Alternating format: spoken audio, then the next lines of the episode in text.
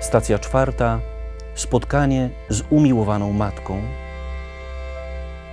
Symeon zaś błogosławił ich i rzekł do Maryi, matki jego: Oto ten przeznaczony jest na upadek i na powstanie wielu w Izraelu i na znak, któremu sprzeciwiać się będą.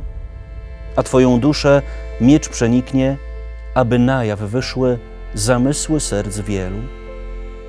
Człowiek, każdy z nas, nawet ten, który już jest tak blisko swojego mistrza, że może za świętym Pawłem powiedzieć: Teraz już nie ja żyję, lecz żyje we mnie Chrystus. Ostatecznie jednak, doświadczając kruchości swojego człowieczeństwa, musi powiedzieć, że potrzebuje na drodze wiary konkretnej pomocy. Jedna chwila spotkania Jezusa z bolesną matką na drodze krzyża wystarczyła, by ten szedł dalej.